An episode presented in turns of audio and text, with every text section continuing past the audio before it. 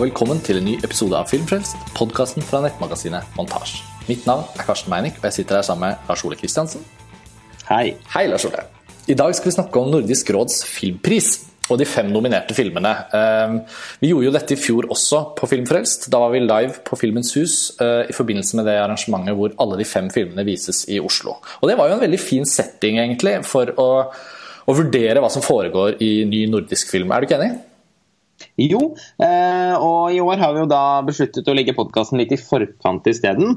For å motivere folk til å gå og se disse eh, filmene. Særlig da de som ikke allerede har hatt norsk kinodistribusjon. Noe sier meg nok at eh, de som har fått kinodistribusjon fortsatt har en del potensielle tilskuere der ute. For det er vel ingen av de som gjorde det sånn helt eksepsjonelt bra på norske kinoer. Sameblod skal dog være fornøyd. Den uh, fikk uh, ganske Altså til å være en film i det sjiktet den er i, mm. så gjorde jo den det faktisk ganske bra på kino. Den ble Absolutt. ikke sett av nesten 200 000, sånn som den gjorde i Sverige.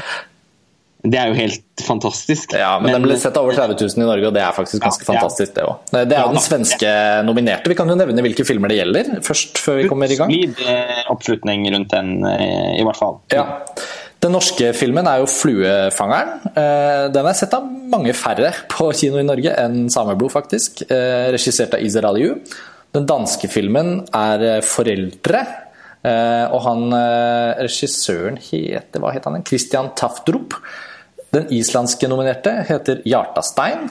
Den så jeg på filmfestivalen i Tromsø i januar allerede. Også en veldig fin film, regissert av Gudmundur Arnar Gudmundsson. Og fra Finland så har vi 'Tyttönimmelte Varpo', eller 'Little Wing', som den heter. Regissert av Selma Vilhonen. Det er de fem filmene, da. Ehm, jeg vet ikke hvor vi skal starte, Lars Ole. Det er jo påfallende, det er to påfallende ting med årets utvalg. Det første og største er kanskje at alle de fem regissørene er debutanter. Ja, og det er jo helt utrolig, egentlig. Fordi eh, det er jo ikke sånn at de komiteene samarbeider om å ha det som konsept. Så at alle, og det er heller ikke talent, nei, en talentpris. Liksom... Hmm? Det er heller ikke en talentpris i seg selv, så det er jo ikke et, eh, et poeng å trekke fram unge filmskapere.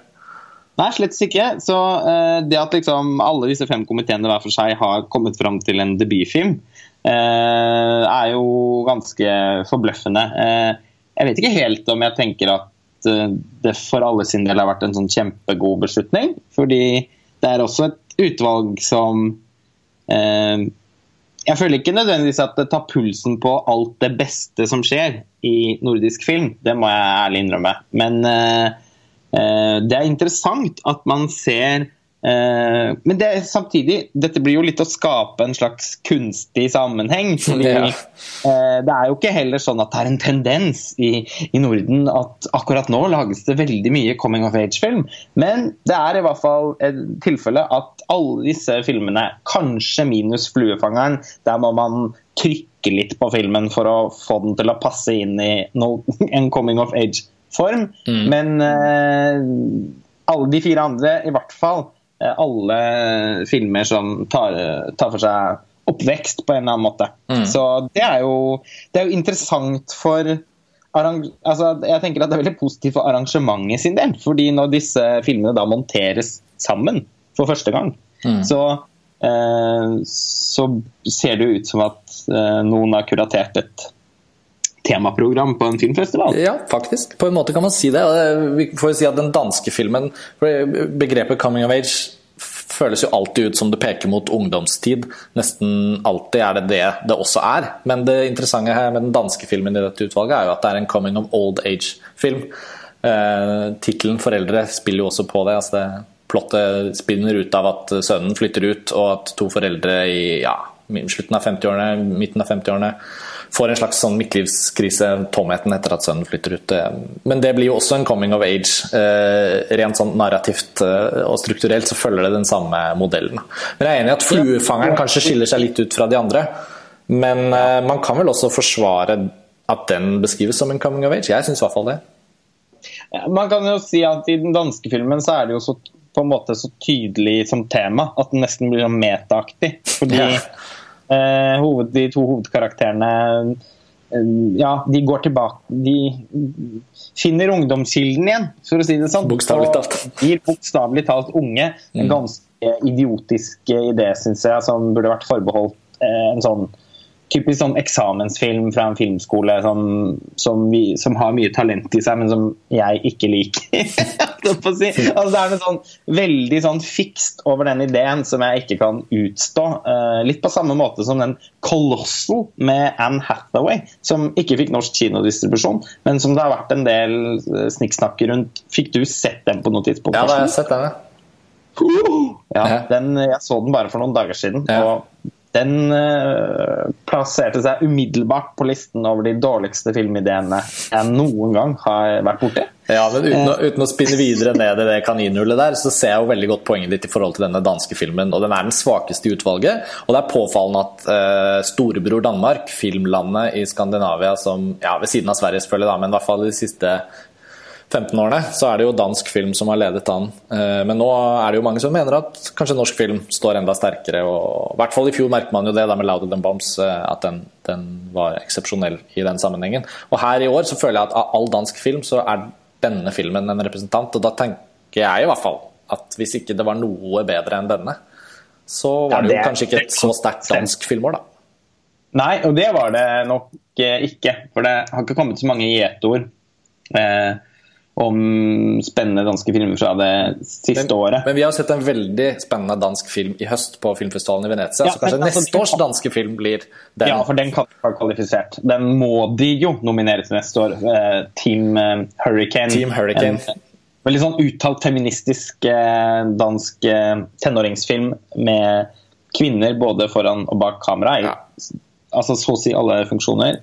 Apropos... Helt sinnssyk energi og et løft over den filmen som eh, Jeg hadde ikke tenkt på den i den sammenhengen her før du nevnte den nå, Karsten, så da ble jeg bare så glad. Ja, men altså, det, Team Hurricane, alle anledninger ja. til å, å, slippe litt buzz, god buzz for den filmen, det må vi benytte oss av. Men det, det, gir oss faktisk også muligheten til å gå over til en ting vi også har avtalt å snakke om, og det er jo det faktum at i fjor så var det sjokkerende lav representasjon av både kvinnelige rollefigurer og ikke minst kvinnelige filmskapere. Men blant disse fem filmene i år så har vi jo faktisk to eh, kvinnelige regissører, den finske og den svenske filmen, og begge har også skrevet filmene selv.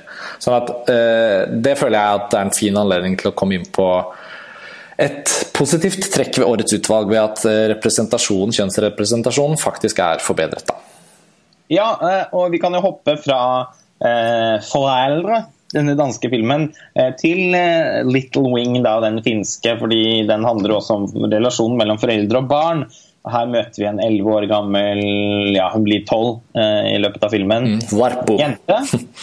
Ja, som, eh, som holder på med hest, eh, og som har en mor som er psykisk syk, og som gjør at hun ikke eh, på en måte har de mm, det blir en utfordring for henne. Eh, det er omsorgssvikt, kan man vel kalle det? eller?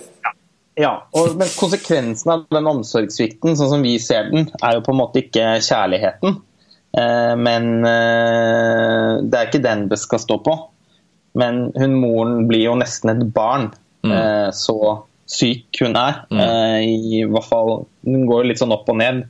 Men det er jo ofte sånn at Én ting er at eh, hun lille Varpo må være en omsorgsperson for moren sin.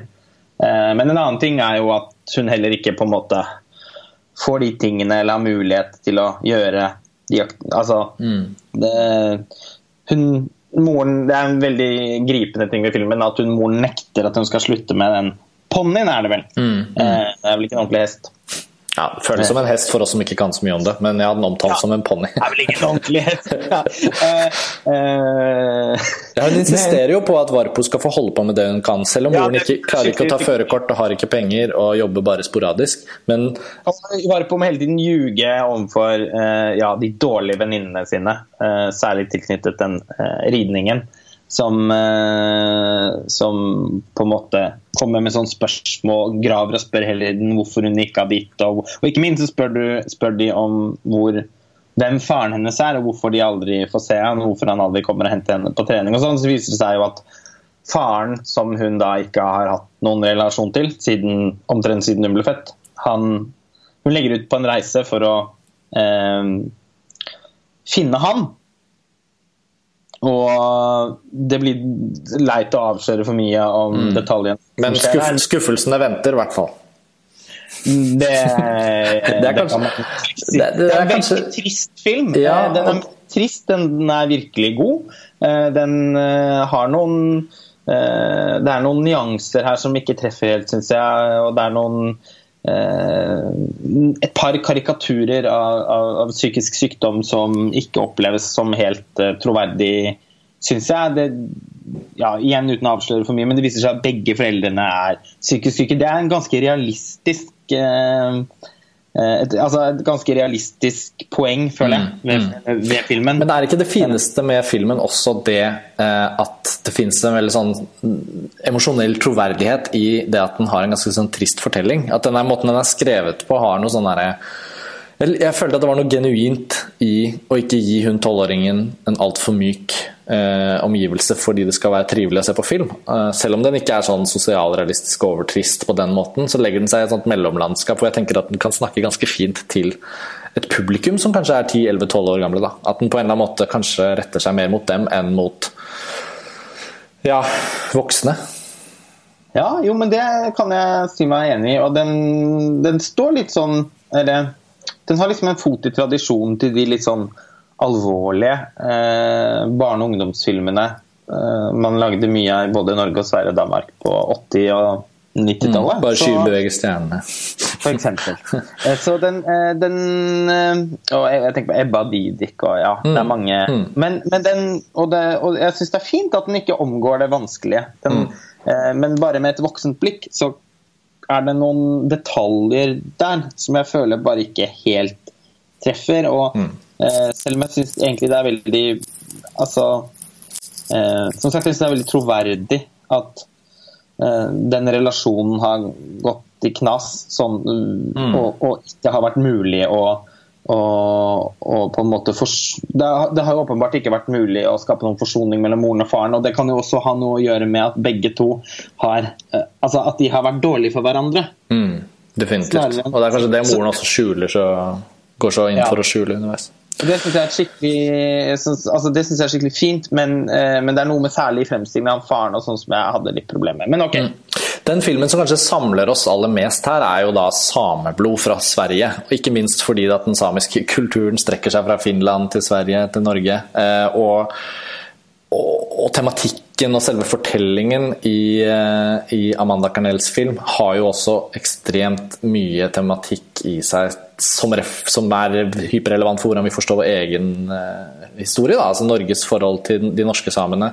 sammenfaller ja, i ganske stor grad med svenskenes. Så, så, den filmen føler jeg er naturlig å komme inn på også nå, fordi eh, For meg er det den sterkeste filmen i utvalget. Og så er det påfallende nok en film du og jeg ikke har snakket om tidligere, selv om den hadde premiere så sent som Venezia i 2016, faktisk. Ja, jeg har, altså, jeg har sett den tre ganger, ikke bare fordi jeg har Fordi du liker den? ikke bare, det er også fordi at jeg har Eh, reist rundt eh, med Den kulturelle skolesekken med denne filmen. Mm. Eh, men, og hatt veldig mange morsomme, altså fine møter med Eller opplevd mange fine møter mellom filmen og ganske unge publikummere. Mm. filmen, altså Samlo handler om på en måte det man kan kalle for hvitevaskingen av samene. Som foregikk på 1930-tallet både i Sverige og i Norge. Unge samiske gutter og jenter ble tvunget til å lære seg norsk og svensk. Fortellingen Fortellinga er satt i Sverige, der vi møter 14 år gamle Elle-Maria som blir sendt fra familiens reindrift til en mm. internatskole som hun etter hvert velger å rømme fra for å starte på nytt og eh, på en måte ta den eh, slags tvangsintegreringsprosessen som den jo i utgangspunktet er, i egne hender. Mm. Så Eh, og så handler det på en måte om er det, Filmen den, kan, den, har jo Rammene for filmen er veldig spesifikke. altså Det er en historisk kontekst som filmen naturligvis er interessert i eh, å tematisere. Men eh, dypest sett så er det jo en veldig sånn universell coming of age-film. Det å skape seg en identitet. Eh, det å stå liksom på, på kanten mellom eh, barndommen, ungdommen og voksenlivet, finne ut hvem du skal være, det er jo eh, noe alle kan kjenne seg igjen i. Mm. Så der, sånn sett så føler jeg at filmen spiller på flere strenger enn det man kanskje tror at den skal i utgangspunktet. Mm. Den kunne lett den kunne jo lett ha gitt inntrykk av å være en ganske sånn typisk historisk temafilm. Mm. Eh, eh, om en Ja. Men, men den evner å bli noe mer eh, og mer interessant, syns jeg, Ja. enn en bare det. Og det handler også om at hun Elle Maria da nekter å Det hadde også vært veldig typisk for en sånn film om hun var et offer. Mm. Men regissøren og mannsforfatteren Amanda Carnell har da eh, virkelig sørget for å gjøre henne sterk og rakrygget og handlekraftig. Hun tar veldig mange egne valg underveis. Ja, hun gjør det. det er fantastisk, faktisk, eh, hvor, hvor uvant man er. Eller man er vant med det fra de beste filmene, men man er litt sånn uvant med det òg, fordi det er så deilig å se. Når man først står overfor en, en dramatisk fortelling hvor rollefiguren, sånn som her, da, har så sterk vilje, og er så, i så mange tilfeller villig også til å gjøre det du ikke vil at hun skal gjøre. Uh, uten at det er noe galt i det, men man føler liksom 'Å nei, nei, ikke gjør det nå'. Uff, det blir flaut, på en måte. Men samtidig er det jo helt sant om henne. Og jeg syns også rammefortellingen har en veldig viktig funksjon her. da. Eh, Jeg har forstått det sånn at Amanda Carnell skjøt den rammefortellingen som en kortfilm før hun satte langfilmen i produksjon, men at det på en måte var et materiale som var tenkt å passe inn i den lengre filmen. Eh, Hvor vi, vi starter jo filmen i vår tid, hvor vi møter Elle-Maria som en gammel, gammel dame. Og hen, allerede der får vi jo se en jævla eh, sterk og litt sur og bitter dame som man blir innmari nysgjerrig på. Og så får man jo på en måte gjenfortalt av hva som har skjedd. Det er Mesteparten av filmen selvfølgelig utspiller seg når hun er 14 år, men det, jeg syns den balansen også, hvor man etablerte en rollefigur som, som er så gammel, og at man i så tydelig grad kunne gjenkjenne den spiriten da, i den eh, yngre versjonen. Og de fungerte veldig fint opp mot hverandre, syns jeg. Så den, den har egentlig en sånn Samtidig veldig som man kjenner, ikke kan kjenne igjen den bitterheten. Da. Det gjør jo også Nei. den rammefortellingen. Marinerer jo filmen Ja, den i gjør det. en veldig sånn sorg, syns jeg. Fordi ja, Hva slags liv man- var det hun levde, på en måte? nettopp, man blir veldig nysgjerrig på det. Mm. Og eh, filmen er også basert på eh, farmoren til eh, regissøren. Mm. Så det er basert på en faktisk person. Og Mm. eh, etter hva jeg har skjønt, så var det veldig vanskelig for henne å se den filmen. Mm. Eh, Så nå, men hun gjorde jo det. Hun var nødt til det. Mm. Eh, Og har nok sikkert i lys av den gått gjennom noen erkjennelser som kanskje blir positivt for henne de siste årene hun lever. Men det er ganske utrolig hvordan det er på en måte mulig å opprettholde en sånn livsløgn. Mm. Så, men det handler om den ydmykelsen som samene ble utsatt for. Mm. Eh, det, er, det er jo hennes måte å reagere på. Hun, hun blir jo på en måte da svensk. Ja, Hun lykkes jo med, er jo i ferd med å lykkes med det i løpet av filmen, og eh, det ble sånn. Og det, er jo, det er jo det som jeg syns blir veldig sterkt for oss som publikummere. da, Å se at historien eh, Denne filmen er jo en behandling av historien som ikke skjønnmaler, og som er ganske vond, men som også føles som om den på en eller annen merkelig måte er en dør inn til noen av de veldig komplekse spørsmålene som, som det samiske folket har måttet ta stilling til. Da. At på, på tross av at man er eh, veldig veldig var på det nå, i vår tid, og, og det er ikke måte på alle, alle norske politikere tråkker varsomt rundt, og det, ikke liksom, det, det skal ikke stå på hva vi kan få til i 2017, tilsynelatende, men det betyr ikke at ikke skaden allerede har skjedd da, for mange. Og jeg syns filmen er veldig sterk hvor han balanserer det med å liksom si at dette skjedde, og dette fikk konsekvenser men samtidig fungerer også som en eh, måte å forstå historien bedre på. Da. Eh, at den blir ikke så pessimistisk på en eller annen måte. Jeg vet ikke. Jeg likte veldig godt at den den var ikke så lett å Ja, du har sett den tre ganger, jeg har bare sett den én gang. Jeg følte liksom at det var en film som virkelig var sånn Den kunne jeg absolutt tenke meg å se igjen fordi Ikke fordi den var så mystisk, men fordi jeg bare følte at den, den stilte noen den stilte noen ting opp til vurdering som jeg kjente at eh, krevde ganske mye av meg. Og det er jo en vanvittig god kvalitet ved en film. Da. Og jeg syns det er helt åpenbart at dette er eh, den filmen som kanskje i størst grad gjør seg fortjent til Nordisk råds filmpris i år. Jeg, Um, jeg er jo helt enig i det. Og det handler om, eh, i tillegg til de tingene jeg har snakket om, om to ting, syns jeg. At den er et veldig imponerende debutarbeid på en helt annen måte enn de andre filmene. Eh, fordi eh, Jo, det er i og for seg også da den islandske hjertestein. Eh, Kan vi komme men, tilbake til etterpå. Mm. kan vi komme tilbake til. den er også et slående bra debutarbeid. Jeg ble veldig positivt overrasket over den filmen etter å etter å ha irritert meg over at islandsk film nesten alltid er den samme filmen i en del år nå. Og flere av de har jo vunnet Nordisk eh, råds filmpris foran ja, ja, bedre filmer. ja, ja, altså, jeg har jo Men ja. holdt på å klikke for den prisen noen gang. Men det er noe sånt. Uh, men den Altså, den, det, det, er en evne til å bruke Altså til å bruke uh, altså naturen uh, Måten rollefigurene iscenesettes på, føles hele tiden veldig sånn meningsbærende. Kjempevakkert fotografert eh, bra klippet. Så veldig sånn eh, Jeg syns det er en et, sånn skikkelig en skikkelig teft for historiefortelling der. Som, mm. som ikke alltid man ser i, i så ja, i hvert fall ikke i debutfilmer. Mm. Eh, som gjerne kan være litt sånn klønete. Det er mange av de andre filmene her. Så det må jeg si er veldig Og så er hun Lena Cecilie Sparrock som spiller hovedrollen, helt ja. utrolig god. Helt fantastisk. Altså, det, hun er også norsk, faktisk. Er.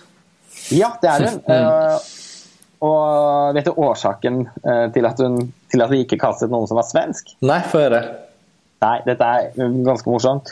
Uh, det, normalt når man skal kaste en sånn type rolle, så får man liksom får, får, de, får de som jobber med rollebesetningen 1000, kanskje 2000 henvendelser. Mm. Og så blir det så og så mange som skal inn på, på audition. Men eh, ettersom eh, Amanda Carnell var veldig opptatt av at eh, filmen skulle foregå på sørsamisk, fordi det er et utdøende språk, mm. at det var så viktig for den spesifikke konteksten i filmen for henne, mm. så måtte de bare forholde seg til de i den aldersgruppen som var sørsamiske. Ja. Og det viste seg å være rundt 20 stykken. Men da er det jo helt fantastisk at denne altså... Det er helt utrolig! Altså, det er som om de har gått inn i et hvilket som helst klasserom ja. uh, og bare Ja, nei, vi må være nødt til å finne hovedrollen. Hvem er best av dere? Hvem er best av dere? på en måte? Og så finner de henne, som er, altså, har en, en, tilstedeværelse og et filmansikt ja, som altså, bare er... er helt utrolig.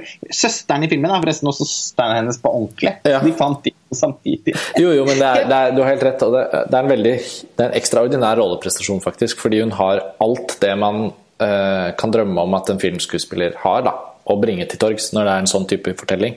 Eh, jeg tror de kunne droppet halvparten av den dialogen som er der, og bare hvilt på bilder av henne, og vi ville likevel forstått historien. Det er jo ganske lite dialog allerede, da, men hennes ansikt og også uh, måten hun liksom fysisk klarer å spille mye av det vi snakket om i stad, altså hennes besluttsomhet og hennes vilje og sånn, den, den, er så veldig gestaltet i bare væremåten. Det er, det er, og det hjelper jo selvfølgelig at filmen er så så gjennomført på alle andre plan òg, da. Men uh, hun, ja, må, hun må er så Bra fortalt. Altså, mm. alle instrumentene er mm. riktig stemt. Ja, og uh, førstefiolinen er oppsiktsvekkende. Uh, et lite trivia, forresten. Apropos klipper. Det er Anders Skov som har klippet Sameblod, og han er en av klipperne på Hjartastein. Hey. Mm. Så det er noen overlappende nordiske elementer i spill her.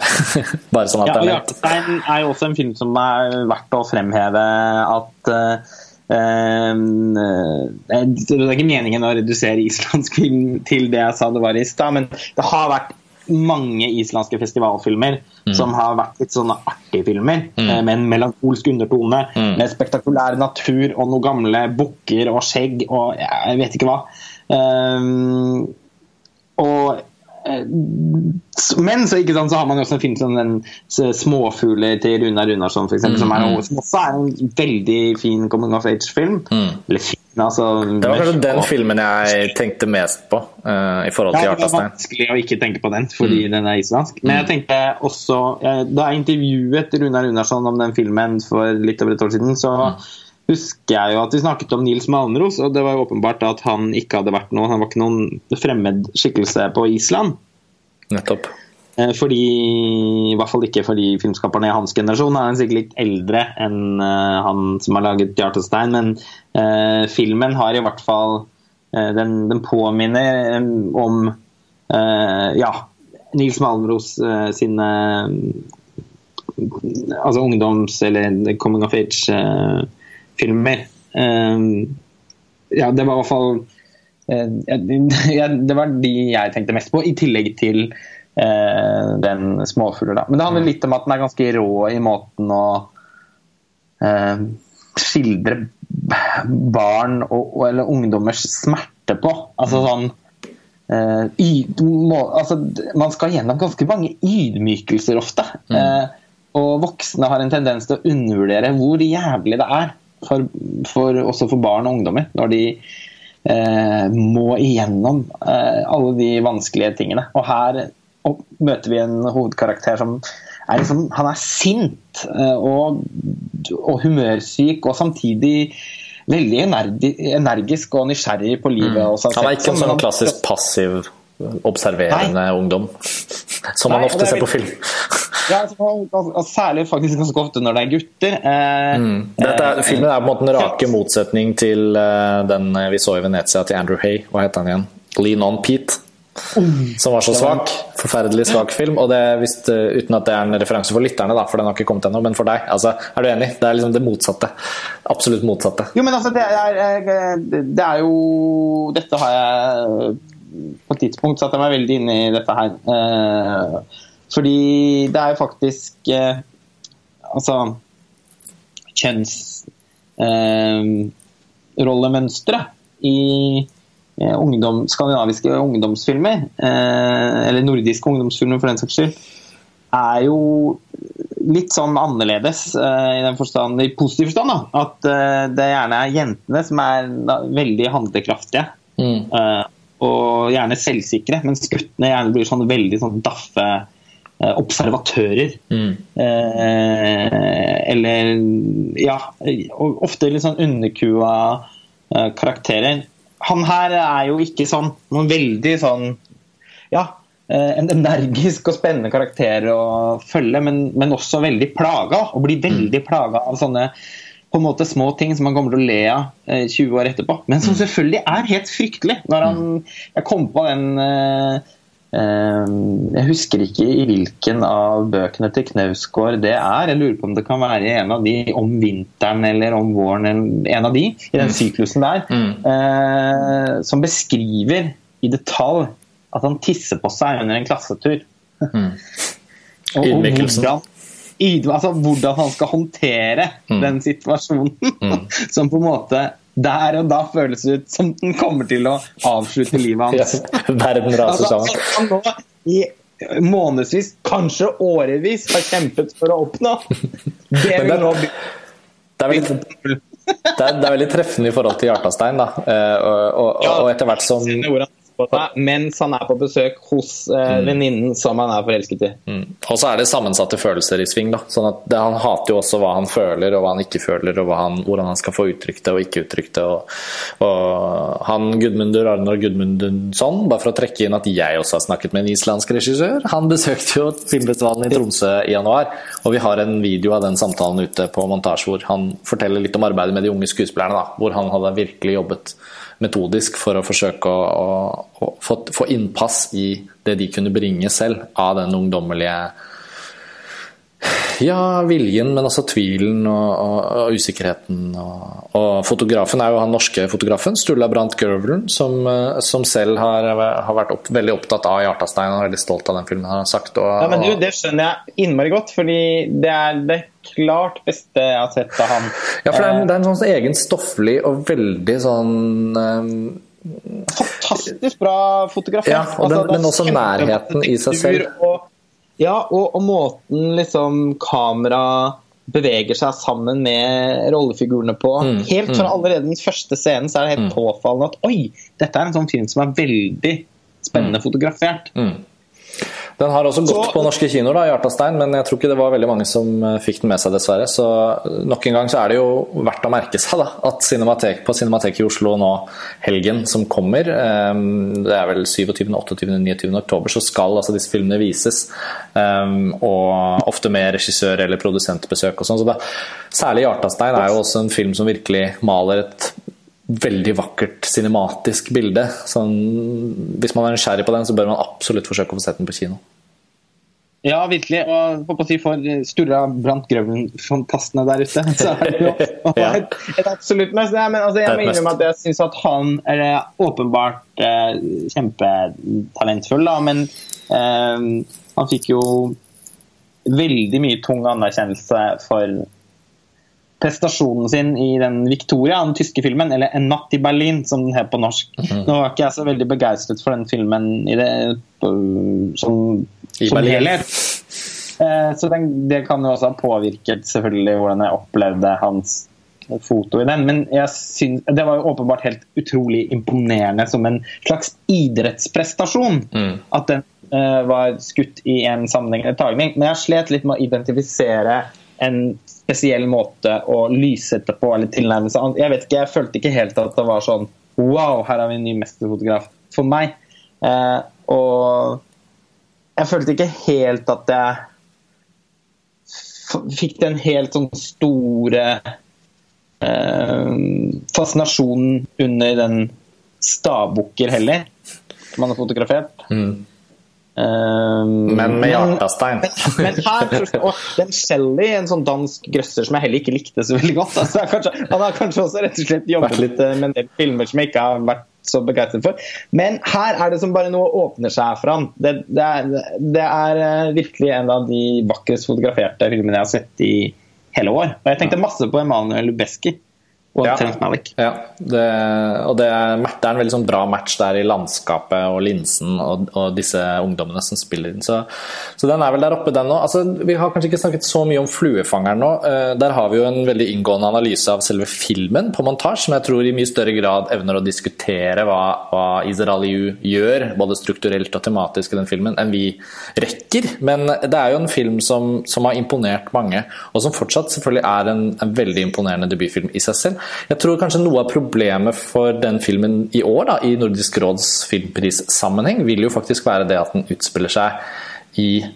Makedonia og er, føles veldig som en makedonsk film. Man kan si at 'Louder Than Bombs' det diskuterte vi jo i fjor på podkasten også, uh, er en film som utspiller seg i USA, men den har på en måte samtidig en veldig sånn nordisk, uh, estetisk et avtrykk da, som kan diskuteres som noe utpreget nordisk. Men ja, hvis man skulle ja, ja. Ja, nei, men skulle til å spørre deg, altså Med 'Fluefangeren', hva, hva, føler du er filmen styrker inn mot denne prisen? Og hva, hva, er det som kanskje gjør at den ikke har de samme mulighetene som eksempelvis 'Sameblod'?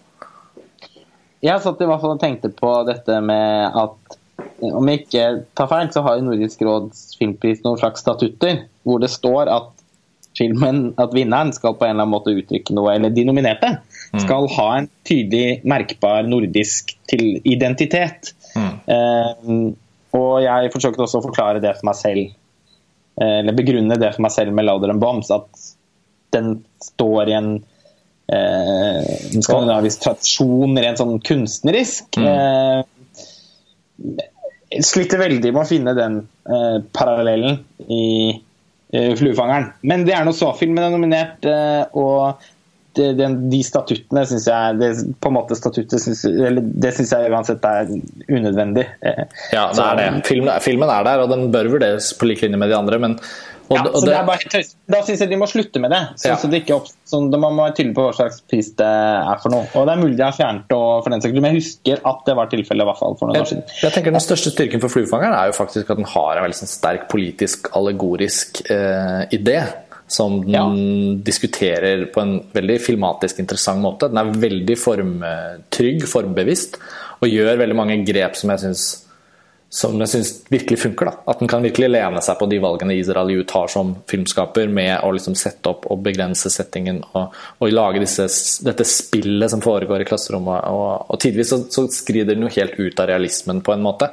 Men, eh, men, den er også ganske sånn vakuum Den eksisterer litt i et vakuum for meg. at Jeg er litt sånn usikker på hvordan Kanskje fordi man ikke har så stor innsikt i den makedonske innenrikspolitikken, da, som gjør at noe av det den diskuterer, ikke er så lett å kroke seg på. Um, men den er veldig imponerende film. Ja, det er, det. det er en veldig imponerende debut. Og uh, ikke overraskende for seg. Hvis man har sett kortfilmene til Easy, så er de òg veldig sånn eh, ja, formsikre. Mm det er, en, det, er veld, det er, alltid en veldig sånn muskulatur i, i, i det han gjør. Eh, I hvert fall i, rent sånn stilistisk. Mm. Det er jo tilfellet for 'Fluefangeren' òg. Og den var jo etter sigende helt Altså et helvete å lage. Eh, Mm. Det kan sikkert eh, produsenten Produsenten, ja, produsenten Khalid Maimoni kommer jo for å snakke om filmen etter visningen på fredag. Så da kan det hende vi får høre noen av de eh, bakomfortellingene der. Ja. Eh, jeg eh, snakket med Iser om filmen under Amandus tidligere i år. Jeg syns jo fortsatt han virket sliten. Ja, det er morsomt. Et par år etter innspilling. Um, Når han begynte å snakke om den, så han var hvor skal jeg begynne? Ja. Den, uh, ja, nei, men det er mange morsomme historier om, fra innspillingen som jeg allerede har fått høre. i hvert fall. Og den har Jeg syns filmen har et uh, nokså markant problem. Uh, og det er at jeg syns at den blir uh, for lang og for monoton. Altså uh, den, noe av den sånn, litt sånn insisterende, piskende eh, På en eller annen måte uforglemmelige tonen som filmen har. mm, Eller måten den liksom virker på deg på. Den blir litt, det blir litt vannet ut for meg av at den aldri tar slutt. mm. Og at de samme situasjonene utspiller seg igjen og igjen og igjen. Jeg, jeg får litt, det blir litt mett. Det er, veld, det er som en veld, er en veld, For å være litt billig, da, så er det jo en utrolig interessant, veldig god forelesning av en veldig god foreleser som varer to timer, hvor det ikke er lagt inn pause. Ja. Det er på en måte ingen Pluss at det er vanskelig å utvikle noen noe særlig følelse for noen av rollefigurene. Men er det Eh, meningen? For det føler Nei, jeg ikke at er eh, ikke- Den er nesten en sånn antiemosjonell film. Sånn. Du skal ikke egentlig leve deg inn i noen sitt følelsesliv. Nei, altså den er veldig sånn Helt klart. Den, den har en veldig sånn eh, intellektuell profil, holdt jeg på å si. Altså, den Mm. ville passet helt utmerket godt inn. Ja, altså, det er sånn film jeg tenker sånn Hvorfor var ikke den i Uncertain Gar i Cannes? Mm. Hvorfor ble ikke den valgt ut? Så mye bedre den er som en Uncertain Gar-film, Mm. hvis man kan identifisere det som litt sånn prototyp, enn mange av de som ble vist der, f.eks. Men det er en annen diskusjon. Vi, Eh, den beste Uncertain Regar-filmen eh, altså, i år. Den går jo på, på kino nå. Den heter Blade Runner 2049. Ja, det er veldig morsomt. Det skal vi komme tilbake til. Eh, Jeg tenker vi kan oppsummere litt, fordi, fordi vi, skal ha, vi skal ha denne podkasten ut. Og vi håper jo at lytterne våre gjør et, gjør et forsøk på å oppsøke arrangementet. Jeg vil bare si også om det, da, at det er Cinemateket som arrangerer det, Nordisk filmhelg. Jeg kommer til å være der selv og bistå med noen av disse samtalene med filmskaperne. Og fredag er det 'Fluefangeren' som skal vises. Lørdag så er det 'Little Wing' og 'Hjartastein'. Og søndag så er det 'Sameblod' og 'Foreldre'. Og det absolutt beste markedsføringstrikset de gjør, er jo at det faktisk er gratis vin på dette arrangementet. Så for, så for alle de tørste cineastene i Oslo, så er det bare å oppsøke Nordisk råds filmhelg. Um, Billettene er altså billige, 50 kroner per stykk. Og um, det er en veldig interessant gruppe filmer. Nå har vi jo diskutert at de har styrker og svakheter, men det skal sies at det er, eh, det er veldig mye fint å se. Eh, Og noen av filmene skal også eh, diskuteres med bidragsytere fra Norsk psykoanalytisk forening, bl.a. den finske filmen om, om tematikken. Og det, ja, det er ganske rikholdig, et rikholdig oppsett da, for, en, for en kulturhelg nede på Cinemateket. Så det måtte skytes inn sånn avslutningsvis. eh, Jo, men det, det er litt sånn fint når det gjøres, da. Hvis man klager og klager over at ikke det kontekstualiseres og gjøres ting rundt visninger, så må man jo passe på å trekke fram når det, gjør, når det skjer noe, da. Og jeg ville vært interessert selv, hvis ikke det Det var ikke nødvendigvis fordi jeg skal være der noen av dagene. Det er rett og slett fordi at eh, det er, eh, det er en sjelden anledning en gang i året til å få det bildet. Så oppsummere sånn som han Thomas Fellberg pleier å gjøre på Stjernekamp. Kom på vors! Møt Karsten Meinick! Eh, og se finsk og samisk film! Ja, Nå håper jeg Thomas Fellberg kommer og tar den in real life. Um, nei, men vi, vi, kan vel kanskje avslutte der. Uh, spår, vi spår vel begge at Sameblod uh, Ja. bør og, og kommer til å, å få prisen. Ja. Og Ja. med Hjartastein som en underdog. Mm. Eller runner-up. Bra. Kanskje blir det Blade Runner neste gang, kanskje ikke. Hvem vet? De som følger med på Filmfrelst, de får vite hva som er neste episode. Vi vet ikke selv ennå. Var ikke det mystisk og flott? Eh, takk for at dere hører på.